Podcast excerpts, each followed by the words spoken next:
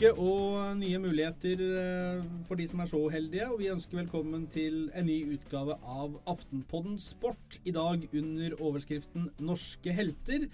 Noe så sjelden som et par svenske helter, en gjeng banditter og et dørgende kjedelig hatoppgjør med riktig utfall.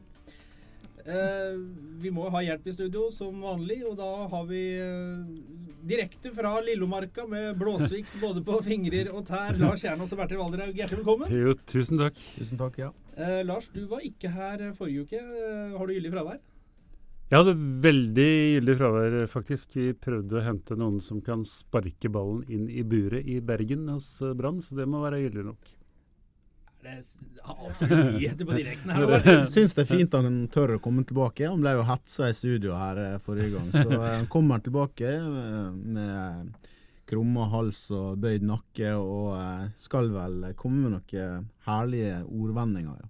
Eh, Lars, har du sett noe til Carl Kvikklund, din gode venn og konkurransemotstander her i det siste? Nå har jeg kommet opp på et sånt nivå på skiturene mine i Lillemarka at jeg er i ferd med å henge på folk mellom 80 og 90 år. Det betyr at jeg fortsatt har en god distanse til eh, unge Kvikklund, som i parentes må være det dårligste svenskene noensinne har sendt ut av landet for å delta i en worldcup.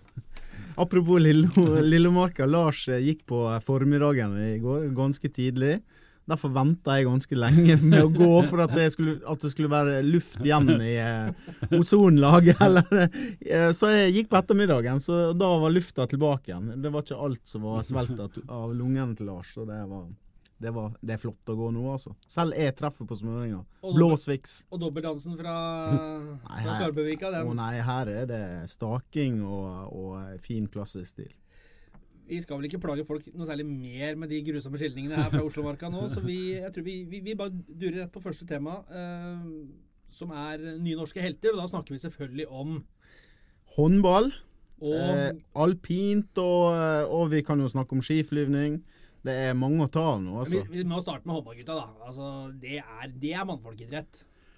Det er mannfolkidrett, og jeg må innrømme som eh, si, fotballmann hvor deilig det er å se på håndball, en idrett hvor ingen filmer, ingen protesterer på, på dommera, og hvor det takles og det griner etter, men hvor det er eh, shake hands og opp igjen eh, fra gulvet med en eneste gang. Det er, altså, det er et fysisk nivå som er en blanding av skremmende og imponerende. Og så var det vidunderlig deilig å se at en gjeng med unge norske gutter sto opp mot uh, noen av de største bøllene i klassen i går, på Kroatia. For når Norge møter lag fra Balkan, eller generelt å møte lag fra Balkan i håndball, det er ikke noe kjære mor, Bertil. Nei, altså eh, Det som har vært klassisk med den gjengen her, eh, med landslaget i herrehåndball, det er at de har nesten lykkes hver eneste gang. Det taper på slutten, spesielt mot Kroatia, så har de tapt en del ganger. Fordi Norge har bomma, gjerne med Christian Kjelling og Håvard Tveten. Og så har han der Barlic, han som røyka, hadde langt hår og så ut som han, han kom fra gata i, eh, i Zagreb. Han, eh, han kom inn og skåra på slutten. Han, eh, så vidt han klarte å stå på beina, men han var fantastisk god. Men nå klarte altså Norge å vinne, og de vinner mot en nasjon som, har vært blant de fire beste i de seks siste mesterskapene i E- EM-sammenheng. Og det er utrolig artig. Vi har nye helter nå. Sagosen, Reinkin, Tønnesen, Bjørnsen. O'Sullivan. Holdt på å si Gilbert O'Sullivan, men det er jo, eh, det er jo Christian O'Sullivan og Espen Lie Hansen. Det, det er veldig mange å ta av. Jeg håper vi har fått en generasjon nå som får litt stang inn. men du levner jo, må jeg si, eh, Kroatias eh, håndballegende Ivano Balic liten ære her når du sier 'henta fra gata'. Nei, det så sånn ut, sier jeg. Han var jo helt fantastisk. Og han hadde, han, hadde jeg klart å stable han på beina i går, så, eller når Norge spilte mot eh, Kroatia, så, um, så tror jeg jaggu meg hadde fått trøbbel, altså. Han er, han er sportssjef nå i kroatiske håndballforbund. Han satt på benken her og så litt under middels imponert ut over, over sine landsmenn i andre gang. Men, men du verden for en jobb Norge gjorde i, etter pause spesielt. og det Håndball er jo en, det er jo en, eh, en eh, idrett hvor du blir bedre jo eldre du blir opp til et visst punkt. Og Det er det minst to grunner til. Det ene er at det er en intelligensidrett, som de fleste andre lagidretter. Og det andre er at fysikk har så enormt mye å, å si. Derfor er altså Norge med den laveste snittalderen i hele mesterskapet, det å prestere på et nivå som de gjorde i går, det tror jeg de færreste faktisk skjønner hvor stort det egentlig er. Vi er jo et bortskjemt folk som eh, pakker inn julegaver til tonen av Camilla Herrems Tore Tang på x antall eh, banketter når eh, håndballjentene fortjent nok har sopt inn gull. Men Norge slår altså Kroatia, som du sier, av, vært en av de beste landslagene i verden i en årrekke. Eh, har vært det. Det er vel kanskje, kanskje litt inn i et generasjonsskifte, de også. Men de har jo hatt stjerner som Ivano Balic, Mirko Alilovic, som fortsatt er målvakt. Eh, Blasenko Laskovic og Igor Vori. Dette er noen tunge kjøleskap som har spilt eh, håndball for Kroatia. Og nå er Norge best. Nå er Norge best. Og så er det sånn at uh, i internasjonal herrehåndball der er det ekstremt liten forskjell mellom uh, nummer én og nummer 10-12. Og Det syns jeg er noe av det som gjør det så herligst å se på EM i håndball. Det er ikke noe forkleinelse for, for damehåndball hvor Norge er på et høyt nivå. Og du kan ikke være bedre enn best, men det er på en helt annen planet å se på herrehåndball. For da veit du at du stort sett får jevne kamper hele veien, spesielt da i EM, hvor alle er omtrent like gode.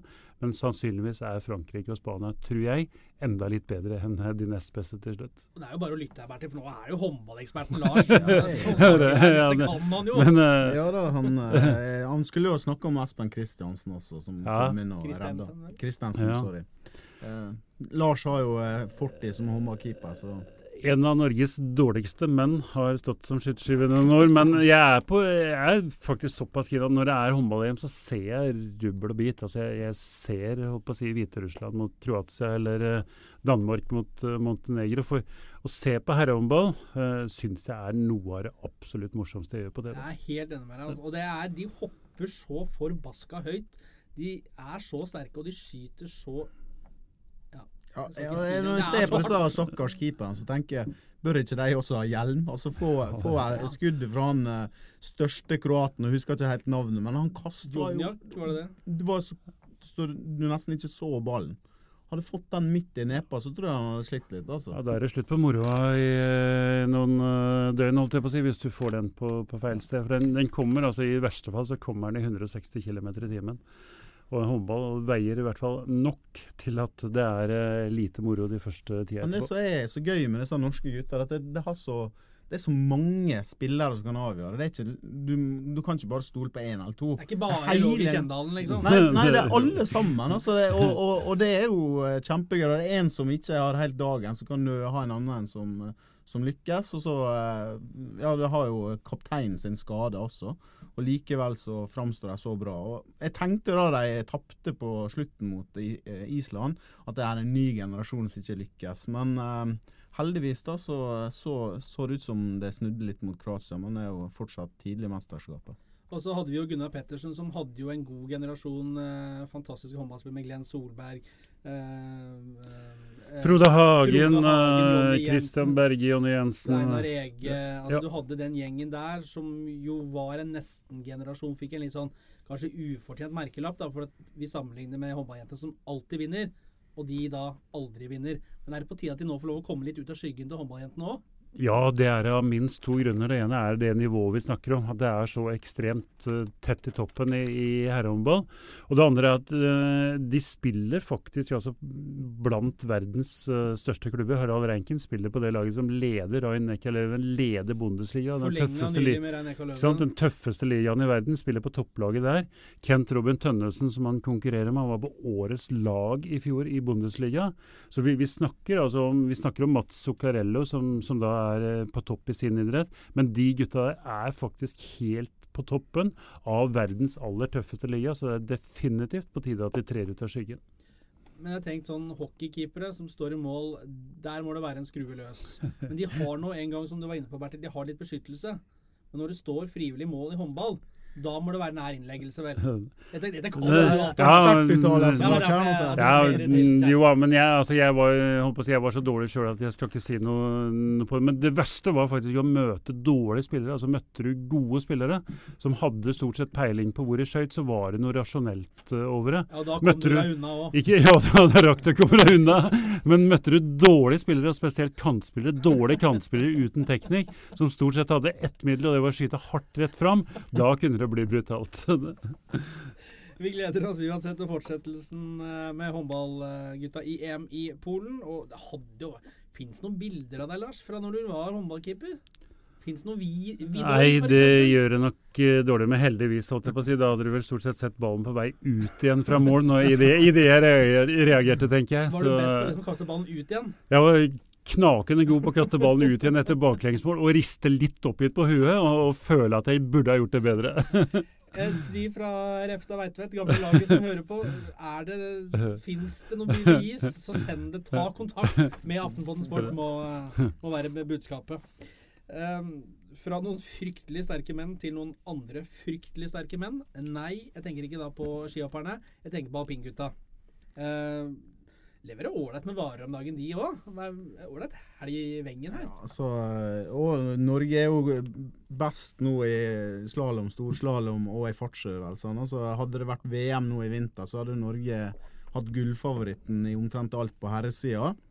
Og også en av favorittene på damesida med Nina Løseth, som uh, har fått sin første seier i verdenscupen. Så uh, The Attacking Vikings 2 er nok eh, kan de nok døpes om. For Attacking Vikings var jo på begynnelsen av 90-tallet, da Furuset, og Kjus og den gjengen eh, slo gjennom. Og eh, nå er det helt fantastisk med Lund Svindal og Jansrud og Henrik Kristoffersen og som sagt Nina Løseth. Og så er det jo, altså Vi trodde jo ikke at det skulle være mulig å toppe den generasjonen som vokste fram på, på 90-tallet og utover 2000-tallet med som du sier, Finken Jagge, Aamodt, Kjus. Du hadde jo Jan Einar Thorsen, og du hadde Ole Kristian Furuseth og Burre altså Det var jo en gjeng hvor alle var kapable til å vinne. Men nå har de jaggu meg overgått dem. Veit du at du har verdens beste på laget ditt, så har du på en måte en treningshverdag som legger til rette for det. For vet du da, eller ser du da på treninga hver eneste dag hva som skal til, og ser at du er i nærheten av verdens beste, så har du hele tida de riktige parametere å strekke deg etter.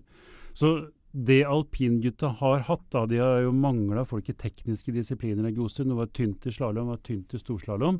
Men de har hele tida hatt en ener. I eh, først Aamodt Kjus, så overtok Aksel Lund Svindal, så kom Kjetil Jans, Jansrud da Svindal ble skada. Så det har hele tida hatt eneren å strekke seg etter. Og sånn sett så er jeg nesten mest imponert nå av Henrik Kristoffersen. Fordi han har ikke hatt den eneren i slalåm. Han har på en måte måttet gå opp løypa sjøl. Måtte sitte på YouTube, han. Ja, måtte sitte på YouTube. Men fø- dette kan jeg ikke noe om, men sånn følelsen min er at det er to måter å bli best på i alpint. Det ene er å trene seg til å bli best, og det andre er å bare ha det. Altså ha den ekstreme snøfølelsen, skifølelsen, som jeg satt og, og syntes litt av. Lasse Kjus var jo en sånn fyr. Jeg er sikker på det var 1000 stykker som trente bedre enn Lasse Kjus, men han hadde den intuisjonen. Altså han had, bare, bare hadde samspillet med snøen. Og litt der føler jeg med Henrik Kristoffersen nå, selv om han sikkert har trent de 1000 timene. Men det ser altså så estetisk vidunderlig ut når han kjører på ski. Og selv jeg som er helt legmann på det området, ser at det går fort fordi han bare gjør de 1000 detaljene riktig hver eneste gang. Du jo, eh, altså, når du ser han kjøre, så tenker du vi som fulgte Oddemann Sørli, som Mm. du visste at han kom til å kjøre ut. Du visste det hver gang han kjørte. Håker det, vel. Ja, og Håker også til en viss grad. Men, men når du ser Henrik Kristoffersen, så sitter du med følelsen han kjører så trygt, men likevel fort. Du, du vet at han klarer det. Mens da noen andre visste du ikke kom til å klare det. Og Finken Jaggo hadde jo et sånt stempel før han begynte å vinne. Men nå har jo da Henrik Kristoffersen eh, like mange slalåmseiere som Finken, og nå kan han ta opp jakten på Ingmar Stenmark, da, som hadde 40 i slalåm og 46 i storslalåm. Da ønsker vi lykke til med den jakten. Eh, Men, men vi har jo snakka mye også dette studioet om at Norge dominerer langrennssporten, og hvor fryktelig det er. Eh, Jeg skal bare lese nå høyt fra hjemmesiden til Det internasjonale skiforbundet eh, om stillingen i verdenscupen sammenlagt eh, for, eh, for gutta.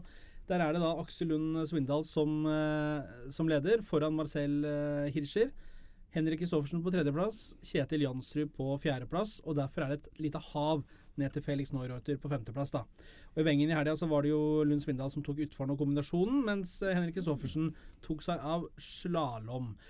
Hvem er dere mest imponert over enn Aksel Lund Svindal, som kommer tilbake og, og herjer med Har vel eh, seks seire i år, var ute et år med Akilles, eller Henrik Kristoffersen, som har fire seire i slalåm? Må du rangere, da? Ja. Kan ikke du bare si at det ja, jeg er fornøyd med jeg plasserer ø, sammen øverst på pallen. Nei, Det er like nei, imponerende begge deler. Nei, men altså, Svindal er jo helt utrolig bra. Altså, 33 år, kommet tilbake. Men han, han har jo et sånn profesjonelt modus i knollen sin som, eh, som veldig få andre har. Og han kombinerer det da med en teknikk som Altså, du ser det, er så kattemykt, og så går det så fort. Men en annen ting som jeg la merke til med alpinistene, det var på i um, Sportsrevyen tidlig i vinter. Det at de starter, altså detaljene for å ta små steg videre starten deres ved at de tar noen ekstra stavtak for å få litt mer fart i starten. Det er bare sånne små detaljer som gjør at de kanskje er lite steg foran konkurrentene hele tida. Og det gir, gir jo en trygghet i laget å vite at vi er best på utvikling, samtidig som vi har de beste utøverne. Jeg er helt enig, men det, det har ikke jeg skjønt hvorfor folk ikke har gjort før. Jeg, med, altså, det må jo lønne seg.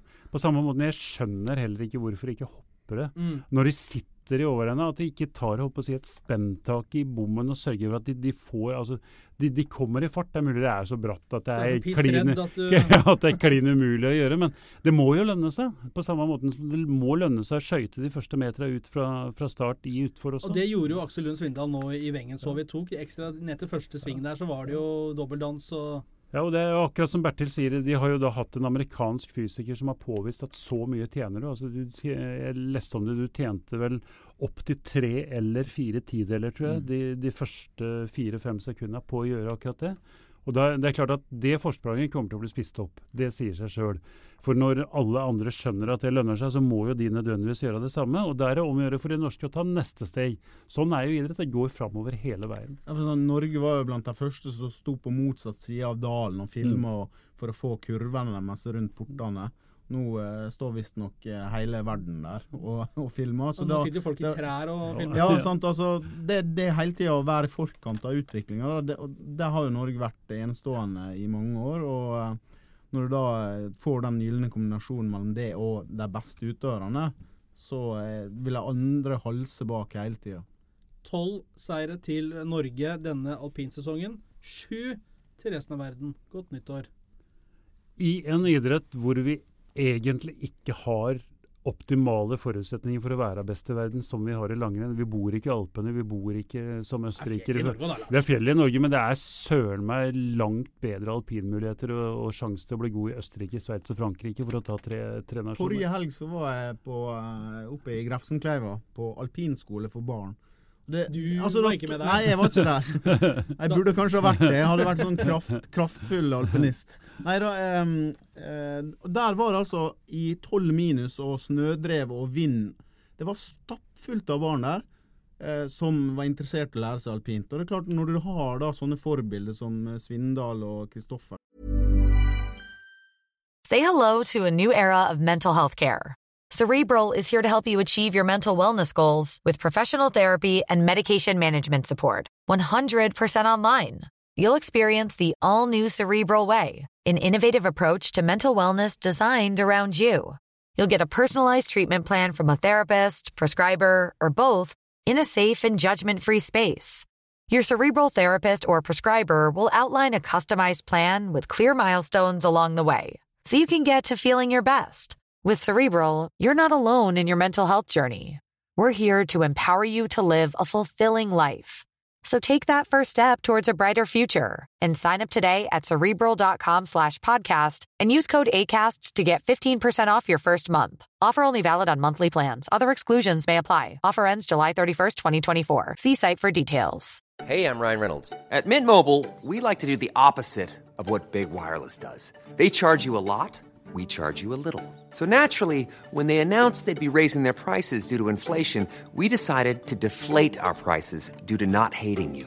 That's right. We're cutting the price of Mint Unlimited from $30 a month to just $15 a month. Give it a try at mintmobile.com slash switch. $45 upfront for three months plus taxes and fees. Promo rate for new customers for limited time. Unlimited more than 40 gigabytes per month. Slows. Full terms at mintmobile.com. Say hello to a new era of mental health care. Cerebral is here to help you achieve your mental wellness goals with professional therapy and medication management support. 100% online. You'll experience the all new Cerebral Way, an innovative approach to mental wellness designed around you. You'll get a personalized treatment plan from a therapist, prescriber, or both in a safe and judgment free space. Your cerebral therapist or prescriber will outline a customized plan with clear milestones along the way so you can get to feeling your best. With Cerebral, you're not alone in your mental health journey. We're here to empower you to live a fulfilling life. So take that first step towards a brighter future and sign up today at cerebral.com slash podcast and use code ACAST to get 15% off your first month. Offer only valid on monthly plans. Other exclusions may apply. Offer ends July 31st, 2024. See site for details. Ryan Reynolds here from Mint Mobile. With the price of just about everything going up during inflation, we thought we'd bring our prices down. So to help us, we brought in a reverse auctioneer, which is apparently a thing. Mint Mobile unlimited premium wireless. Ready to get 30, 30, bit to get 30, bit to get 20, 20, 20, bit to get 20, 20, bit to get 15, 15, 15, 15 15, just 15 bucks a month. So, Give it a try at mintmobile.com slash switch. $45 up front for three months plus taxes and fees. Promo for new customers for limited time. Unlimited more than 40 gigabytes per month. Slows. Full terms at mintmobile.com. med og Løseth også, så vil du da få, få fram nye, for de ser at det går an å bli best i Norge. Altså, og det er typisk norsk å bli født med ski på beina. Om du ikke er født med dem, så får du dem ganske fort på det, i hvert fall. Det var altså fireåringer som sto der og rente nedover, mye bedre enn mange voksne. Uh, du må jo være litt gæren for å spille herrehåndball, uh, tenker jeg. Og så må du være litt gæren for å sette utfor uh, noen av de bakkene som de alpinistene gjør. Men du må jaggu meg være passe gæren i knollen for å sette utfor skiflyvningsbakker også, som våre norske suksesshoppere har gjort i Kolm denne helga. Er du halvgæren, så begynner du med utfor, men er du klin hakke sprø, så driver du med skiflyging. For altså, det, er, det er helt hinsides Altså, enhver fornuft og tanke. Ja, Folk skjønner Det- ikke hvor gærent det er. Nei, det, det, er, det er hemningsløst. Jeg har vært i toppen av bakken i Vikersund, og, og det jeg la merke til der, det var at du kunne se ned til høyre der.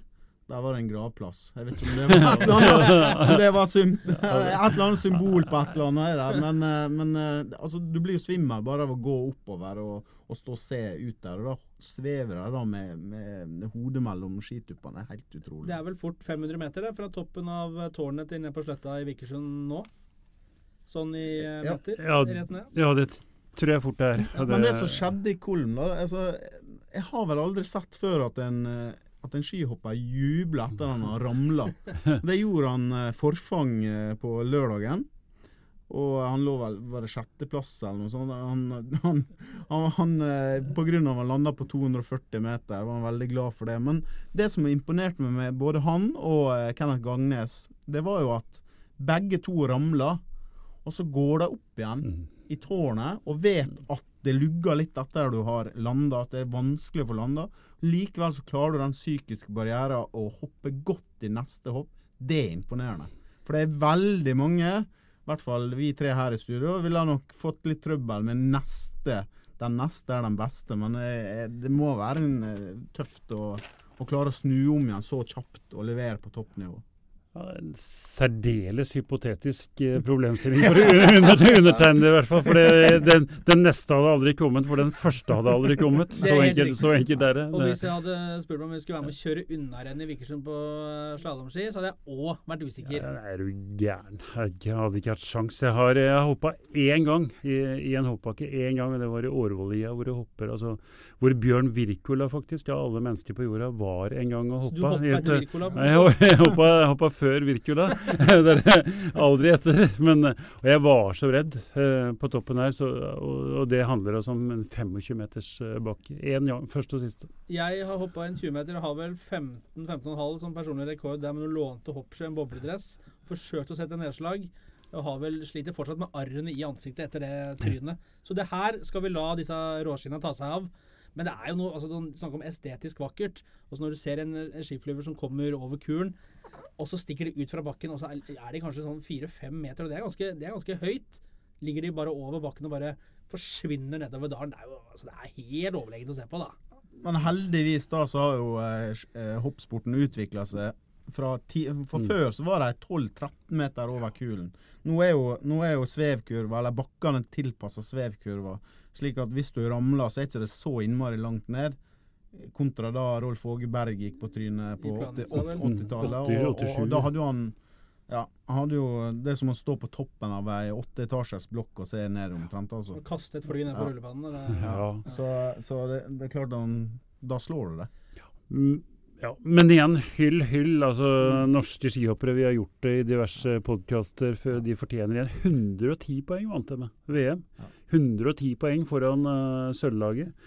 Så Kenneth Gangnes eh, kunne han nekta å hoppe siste hoppet, allikevel så hadde Norge tatt eh, medalje. Det, det forteller egentlig alt. Og, og igjen, altså tre av fire nye fra det laget som vant VM Mm. i Falun i fjor.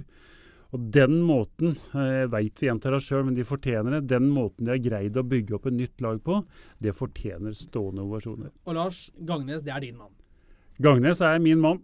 Folk som har reist seg etter motgang, ikke bare én gang, eller, eh, men til og med to ganger. To kneskader, to ganger eh, korsbånd har han reist seg etter. Det er eh, Jeg er ikke helt med på Claes Brede Bråten som sier at det er den største prestasjonen i norsk idrettshistorie. Da har han fått litt for mye tran. Det er ikke, det er ikke Claes Brede, men det er en enorm prestasjon. Det kan vi være enige om. Og så er det alltid moro når folk fra Toten og Lensbygda gjør det bra. Ja. det det. Eh, sjokkerende nyheter fra helgens langrennsøvelser uh, i Planica. For nå må vi holde oss fast her. uh, for nå har det faktisk skjedd. Sverige har vunnet skirenn.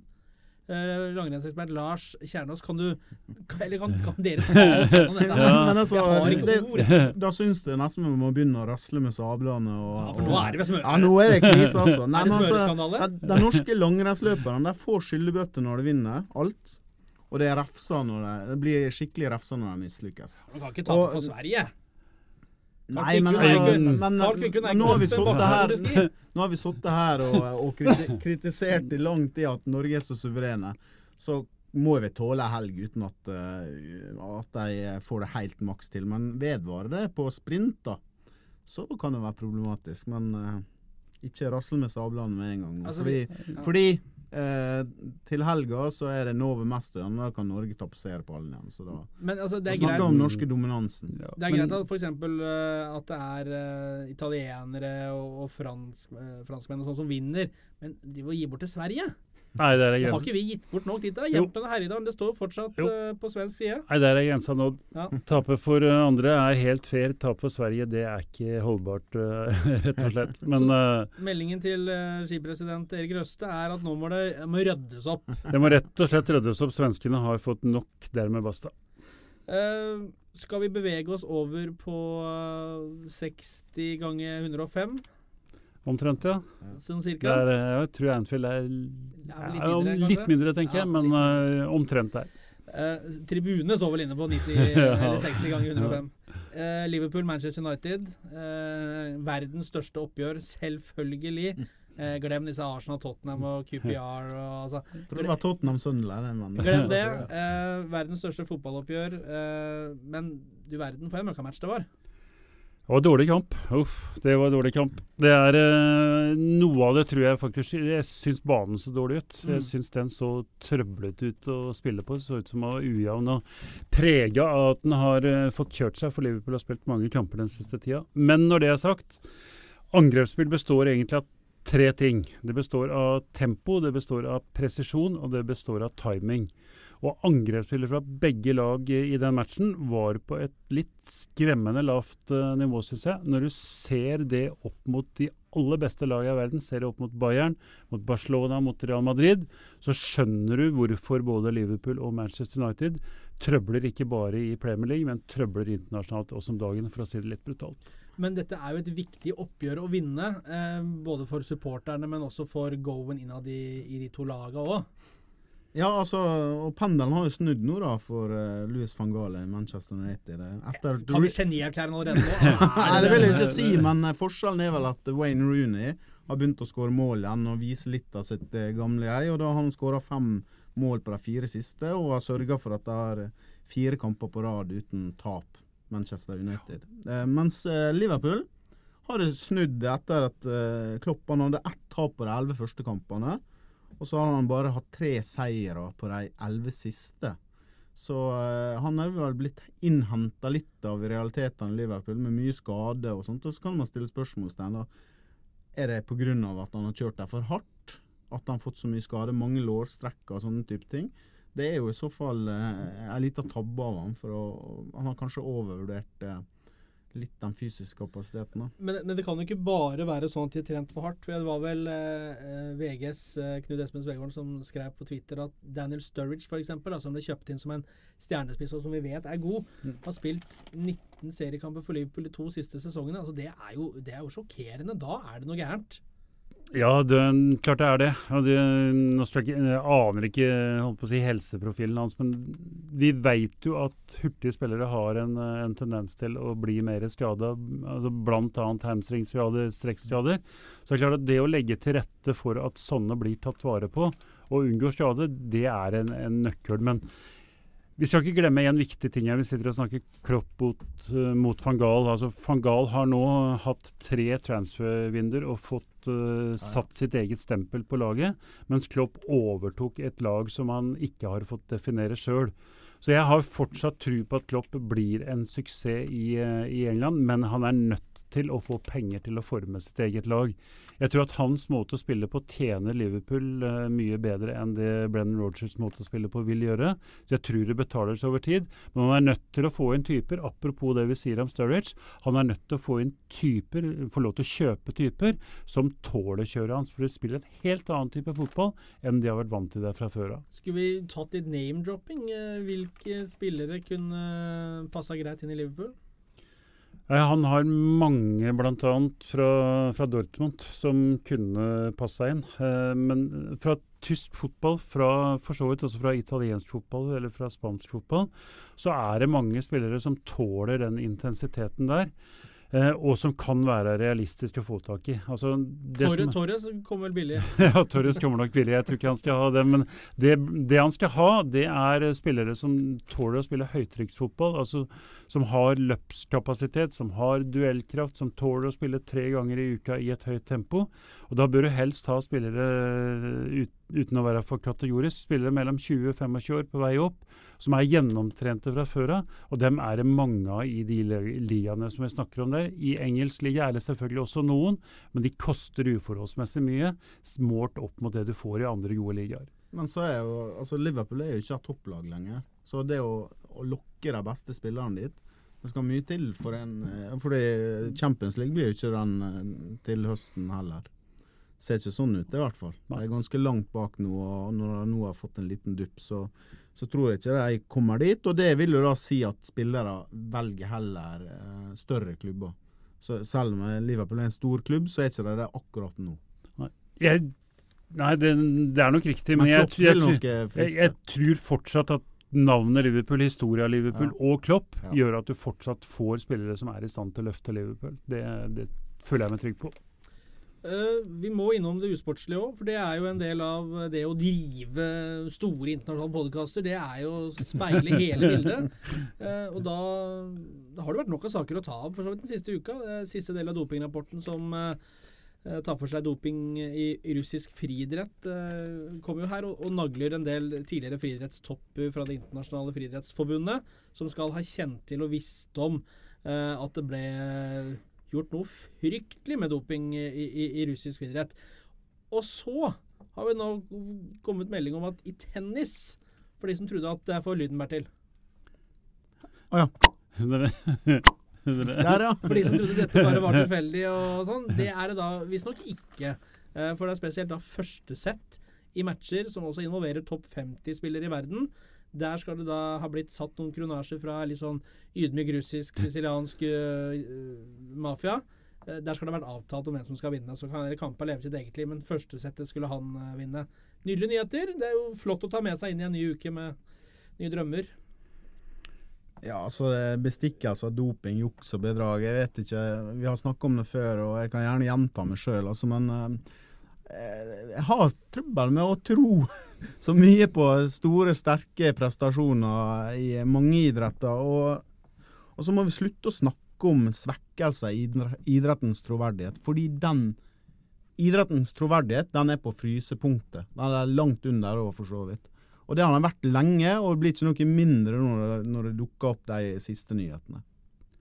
Nei, helt riktig, men friidrett er, altså, det er nitrist. For alle sanser må jo ha vært uh, lukka hos en mann som Sebastian Coe f.eks., som nå tilsynelatende smyger seg rundt og utafor det aller, aller verste søkelyset ved at uh, Diak tar den støyten. Sjefen i, i forbundet. Altså, her er det to ting som har skjedd som må være det nedrigste av all, eh, all, kombinasjon. Det ene er at du faktisk har tillatt doping, og det andre er at du har tjent på det sjøl. Mm.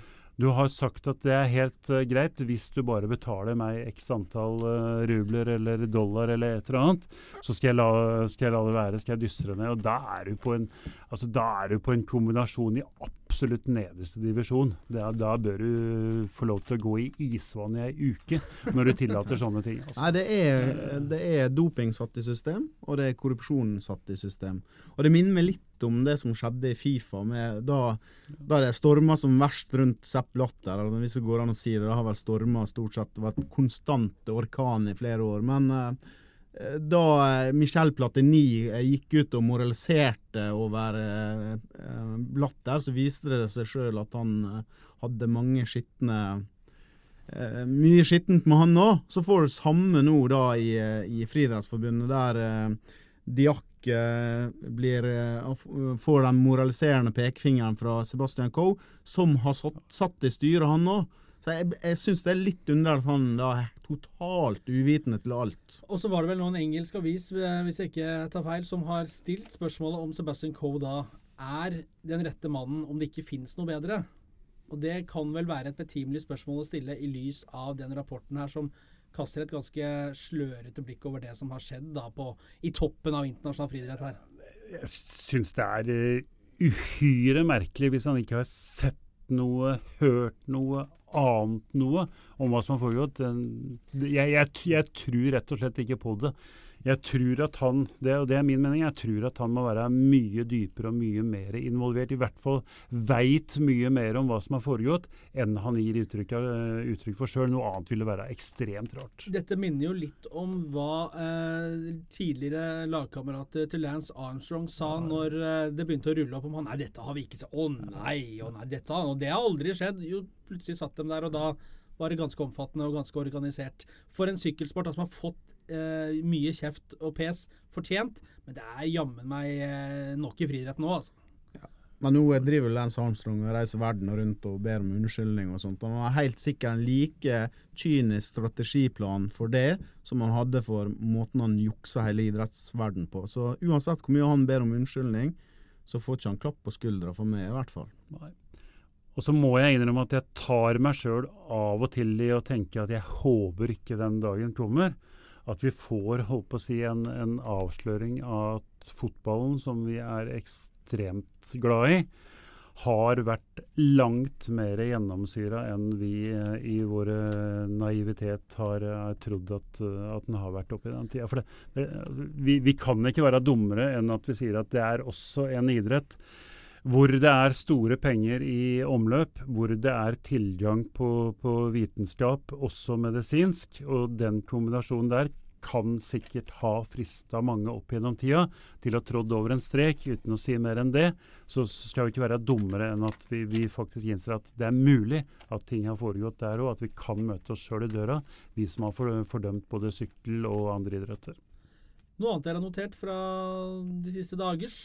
Ja, Vinteren er kommet, og det er solskinn og flott å være ute i marka. Så vi har trøbbel, vi som eh, skal følge med på vinteridrett og samtidig nyte livet. Eh, det får være dagens oppfordring fra Bertil. Eh, smøretips, teknikkurs fås på Storosenteret av Årvolls to fremste representanter, Valderhaug og Kjernås, resten av uka. Takk for oss.